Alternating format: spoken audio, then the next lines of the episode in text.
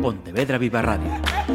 Cara a cara. Damas y caballeros, la Asociación de Directores de Informativos de Radio y Televisión da la bienvenida a Marta Robles.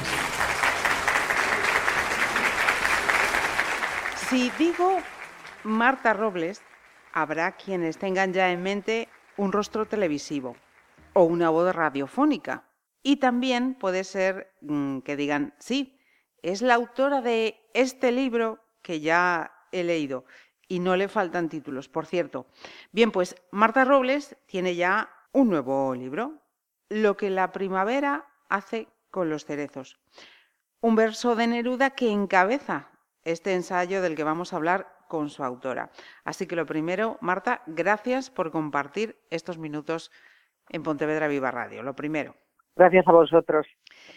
En este libro nos hablas de cómo las capacidades creativas, artísticas de conocidos hombres y mujeres de todos los tiempos fueron impulsadas, motivadas, eh, condicionadas por esa ausencia o presencia de relaciones amorosas. Es decir, ¿cómo nos motiva el amor? ¿Sí? Exacto, es un ensayo que eh, trata de relacionar el amor, el desamor y la pérdida con la creación.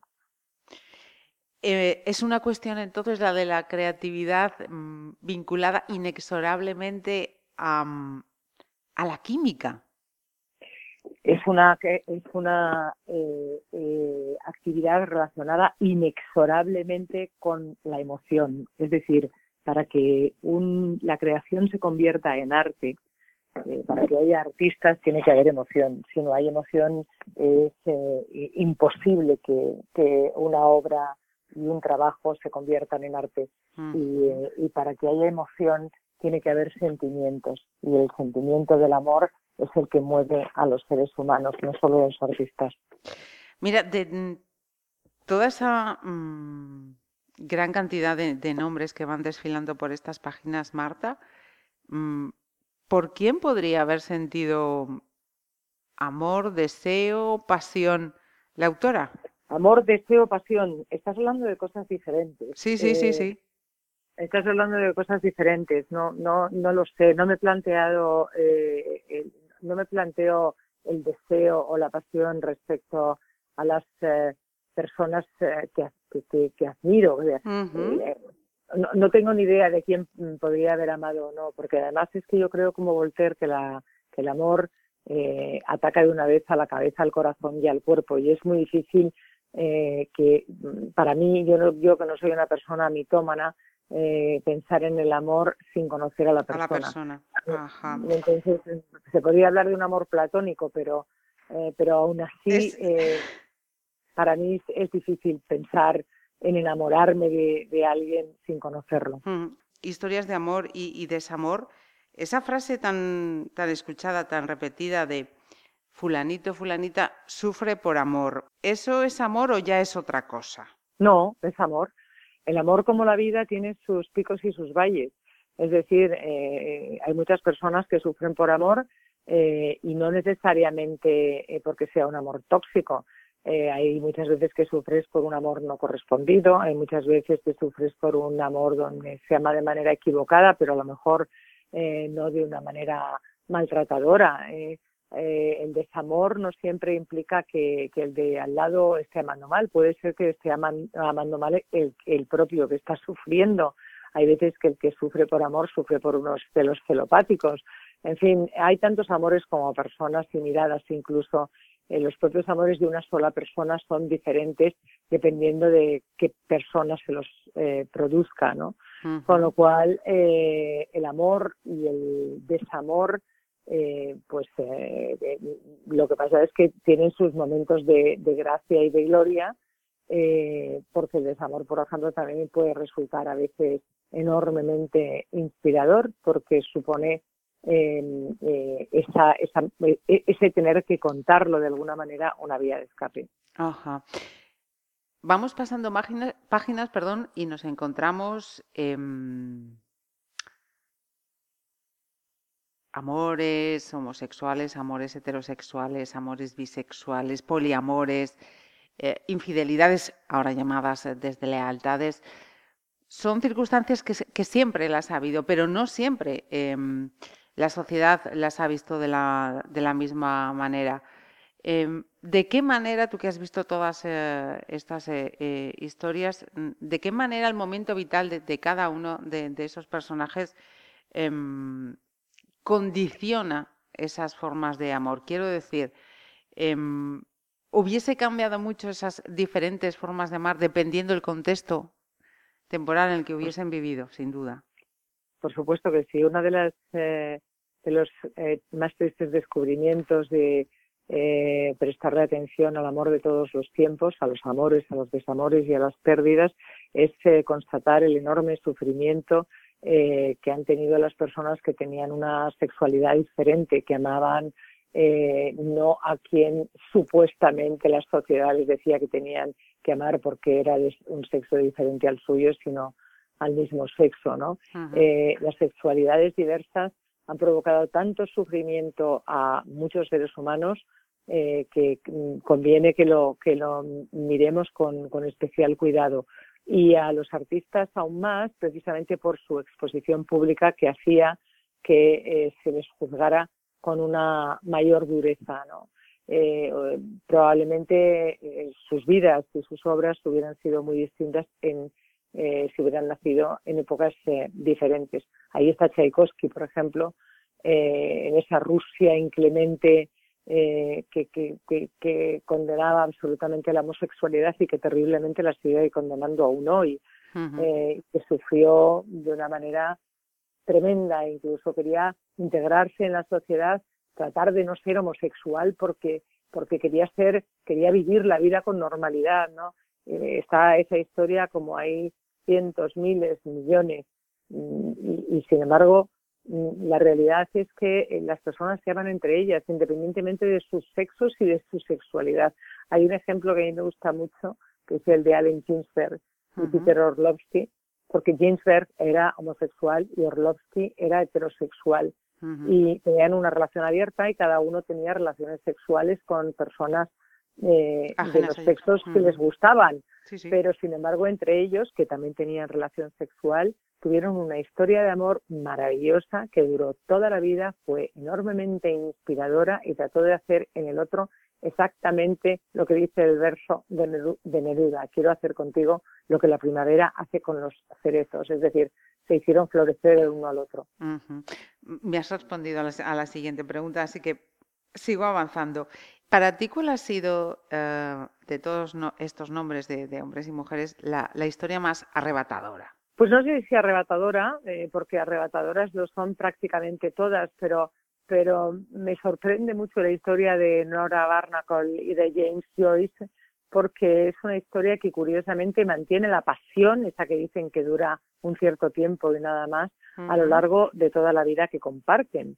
Eh, eh, desde que se conocen no se vuelven a separar y, la Irlanda portátil de, Joyce, que es como él llamaba a su mujer, a, eh, Nora Barnacle, es la protagonista de todos, de todos sus personajes femeninos, incluido el de Molly Bloom en el Ulises. Pero lo más curioso es que a lo largo de toda su vida, cuando tenían que separarse por cualquier motivo, se escribían unas cartas que eran absolutamente pornográficas, desde los primeros días hasta los últimos. y, en la parte contraria, no sé si, si podemos eh, decir la, más detestable. Yo mm, tenía curiosidad porque ya había leído algunas cosas eh, en torno a Lewis Carroll. Bueno, la historia de Lewis Carroll es, un, es una historia eh, que desde luego vista desde el siglo XXI eh, de, depravación.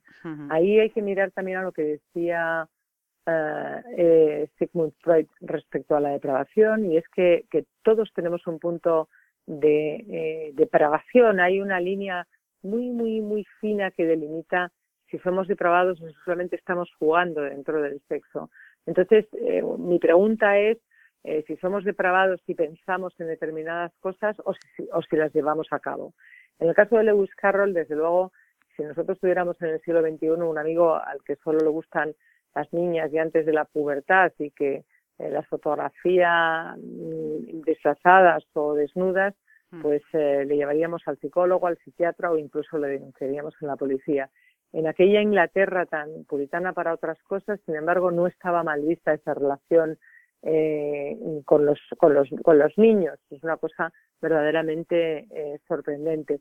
Él nunca le ha sido daño, nunca abusó de ellas, pero realmente sí tuvo ese, ese contacto con ellas que desde nuestra perspectiva resulta absolutamente inquietante y desde luego pornográfico. Quería mencionar em, tres de estos nombres que aparecen eh, aquí por distintas eh, cuestiones. Una, porque mm, me, ha sorprendido. Por ejemplo, el caso de, de, Hemingway. Mm, ¿Sería quizá uno de los mitos que se nos puedan caer, Marta? Bueno, todo depende si para nosotros el mito de Hemingway es cómo escribía o que fuera un macho muy macho. Y que si alguien, para alguien lo que, lo que le interesa de Hemingway es que fuera un macho alfa y enormemente seductor, a lo mejor se nos cae un poco el mito. Si hablamos de su obra, pues probablemente no se nos caiga el mito porque sigue siendo la de antes y realmente es una obra extraordinaria. Y mm, otra cuestión totalmente diferente con una mujer pues que mm, sigue mm, cuando no levantando pasiones, em, manteniendo muchísimas incógnitas y muchas curiosidades. Marilyn, ¿y hasta qué punto su belleza la pudo hacer infeliz? Yo creo que su, su belleza fue una especie de castigo y que la hizo, le robó la felicidad.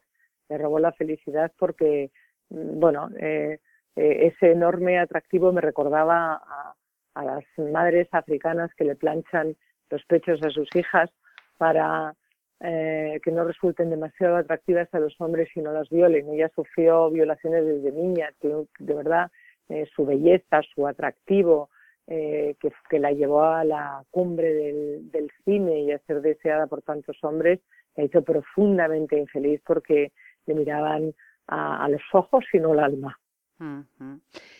Y una pareja que aparece también, tengo que decir que mm, hasta que no he visto este libro de Marta Robles, no conocía la cara de Gerda Taro.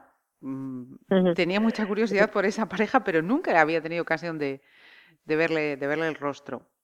Pues al menos tú eh, tenías mucha curiosidad por esa pareja, pero hay mucha gente que no sabe ni siquiera que, que Gerda Taro era la pareja eh, de Endre Friedman, es decir, de la otra mitad de Robert Capa, porque no es que ella fuera la mujer de Robert Capa, sino que fue la inventora, la creadora de esa marca y la mitad de la propia marca, ¿no? Eh, yo creo que es una historia que merece la pena conocer y que es sin duda apasionante.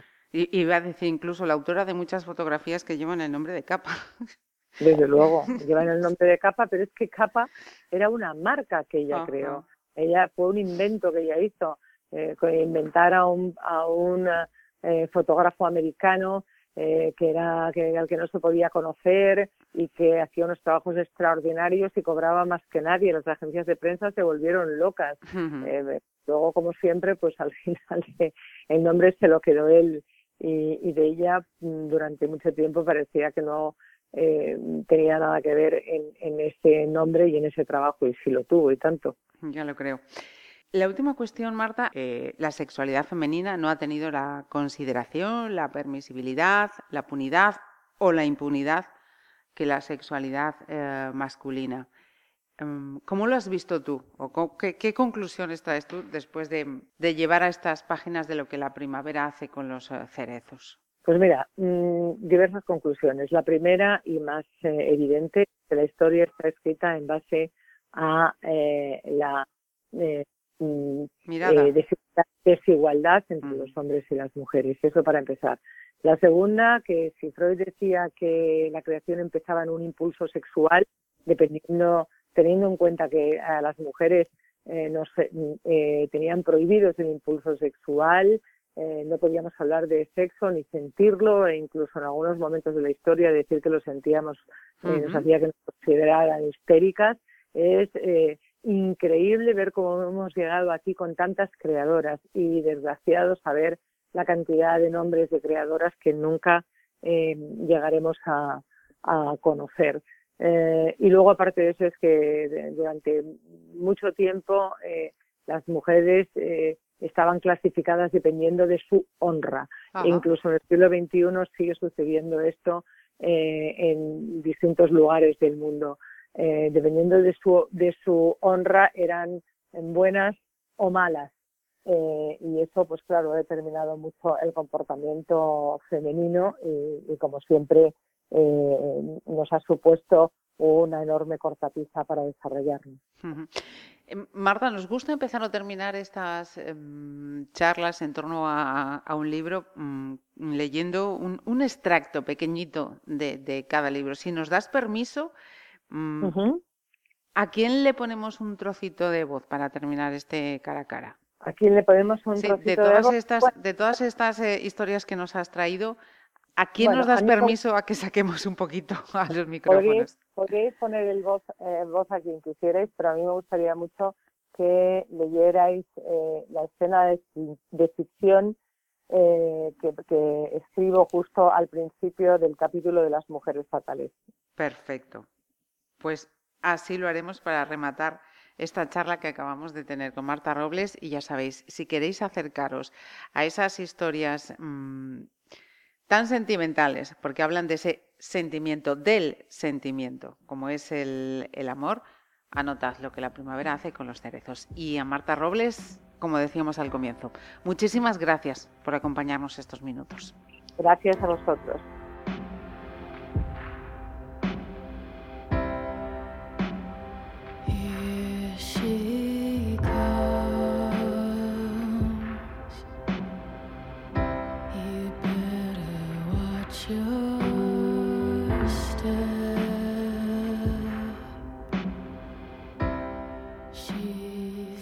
En la penumbra del caserón, la rubísima melena ondulada que flota sobre los hombros de Mary refulge de manera asombrosa.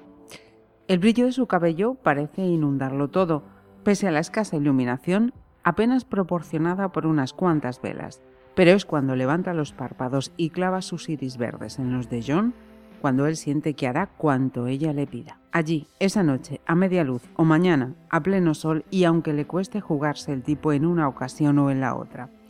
No se ve con claridad el gesto de la media sonrisa de la joven hasta que ella agarra un cigarrillo y lo prende con la llama de una cerilla. Entonces es su boca la que apresa la voluntad del pobre John, indefenso ante los encantos de la bellísima Mary, que ahora inhala el humo como si fuera lo último que fuese a hacer y luego lo exhala con la misma vehemencia, frunciendo levemente sus gloriosos labios.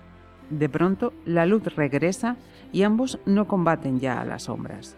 Solo John sigue luchando contra él mismo, sabiendo que no lo conseguirá, que Mary se ha hecho con las riendas de su vida y que él ya no podrá ser más que lo que es, la marioneta en la que ella lo ha convertido. Mala, malísima, mi perversa Mary. Una mujer fatal con armas de seducción más que de sobra para atrapar al incauto de John y convertirlo en rehén de sus propios sentimientos, imposibles de rechazar. El escritor francés Georges Darien acuña en 1867 el término de femme fatale, mujer fatal, pero es George Bernard Shaw quien lo incluye en el diccionario con una inolvidable definición. Una mujer hermosa y peligrosa que, mediante sus irresistibles encantos, atrae a los hombres hacia el peligro, la destrucción e incluso la muerte. La mismísima Eva en el paraíso, o incluso la propia Lilith antes que ella. Todas las mujeres, para unos u otros hombres. ¿Hay alguna mujer que no sea fatal? La mujer fatal es la que se ve una vez y se recuerda siempre. Esas mujeres son desastres de los cuales quedan siempre vestigios en el cuerpo y en el alma. Hay otros que se matan por ellas, otros que se extravían, asegura Valle Inclán en la cara de Dios. No acepta como no lo hace ningún varón de su tiempo, que todas las mujeres son fatales para los hombres dependiendo de lo que ellos sientan por ellas. Es en su propia mirada en donde se encuentra o no esa fatalidad y viceversa. Lo que ocurre es que los prejuicios de los hombres respecto a las mujeres son parte de su vida. Sobre las causantes de las flaquezas masculinas, de la debilidad ante su embrujo, escriben Baudelaire, Victor Hugo, Oscar Wilde, Marcel Proust, Dumas, Gustav Klimt, Edward Munch. Los malos, pero sobre todo las malas, dan mucho juego en la literatura. No tienen corazón, se dejan amar, pero no aman. Atraen a los hombres como las sirenas a los marineros. Los aniquilan tras el sexo, como las mantis religiosas. Los utilizan solo para gozar y procrear, como las amazonas. Matan a sus hijos para vengarse de ellos, como Medea. Son tantas las bellas sin compasión, bellas atroces, ministras de la muerte, seductoras, compañeras malditas del amor. Así las llama Pilar Pedraza en su libro La Bella, Enigma y Pesadilla. Encerradas en sus páginas se encuentran las bellas más inquietantes, preparadas para actuar. La Esfinge, que solo dejará vivir a Edipo si responde con acierto a su enigma. ¿Han de ser enigmáticas las mujeres fatales? Todas las mujeres lo son y de ahí el permanente discurso masculino de que es imposible comprenderlas. La arpía, que devora cuanto ve porque está vacía por dentro y no se sacia jamás. La seductora pantera, que cautiva con elegantes movimientos felinos que anteceden al crimen. La medusa de cabellos de serpiente y mirada hipnótica con la que inmoviliza y convierte en piedra a sus víctimas. La sirena que las atrae y arrebata con su voz extraordinaria Venus, Pandora, Circe, Perséfone, Judith, Dalila, Salomé. Desde la curiosa Eva no hay fémina destacada que se salve que no sea fatal. George Bernard Shaw alerta sobre ellas en su correspondencia. Son el mismísimo Don Juan hecho mujer, el alter ego del hombre que doblega la voluntad de las mujeres. La amenaza para el varón con su propia medicina de machos sin sentimientos, cuando soy buena, soy muy buena, pero cuando soy mala, soy mejor, dice Mae West, una de las muchas rubias aterradoras del cine, con infinitas muescas en su revólver de maridos y amantes que le entregan diamantes adornados con su misión. La Vamp, la mujer impasible que aprovecha su capacidad de seducción para enredar a los hombres y lucrarse a su costa. Es el hombre del saco de los varones. En realidad, las mujeres fatales no son más que mujeres libres capaces de deshacerse de los yugos de su tiempo, de la historia y de su condición de mujer, de escoger su destino sin consultarlo con los hombres, de ponerlos a su servicio en vez de aceptar ser ellas quienes lo hagan.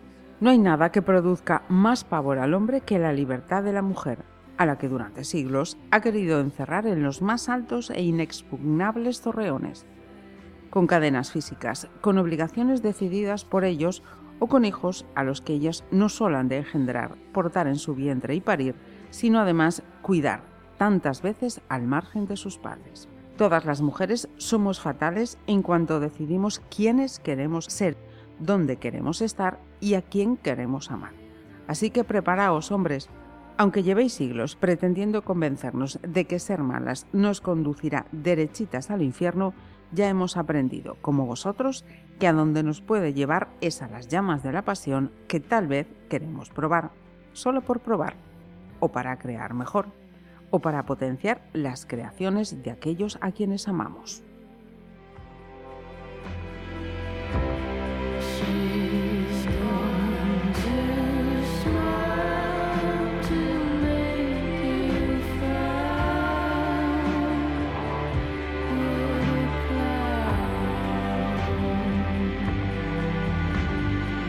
Pontevedra Viva Radio.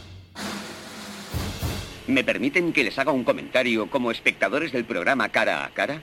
Según un reciente sondeo de mercado, ustedes disponen de estudios e inteligencias superiores a la media. Sus intereses abarcan desde la actualidad mundial y la ciencia hasta el deporte y los espectáculos.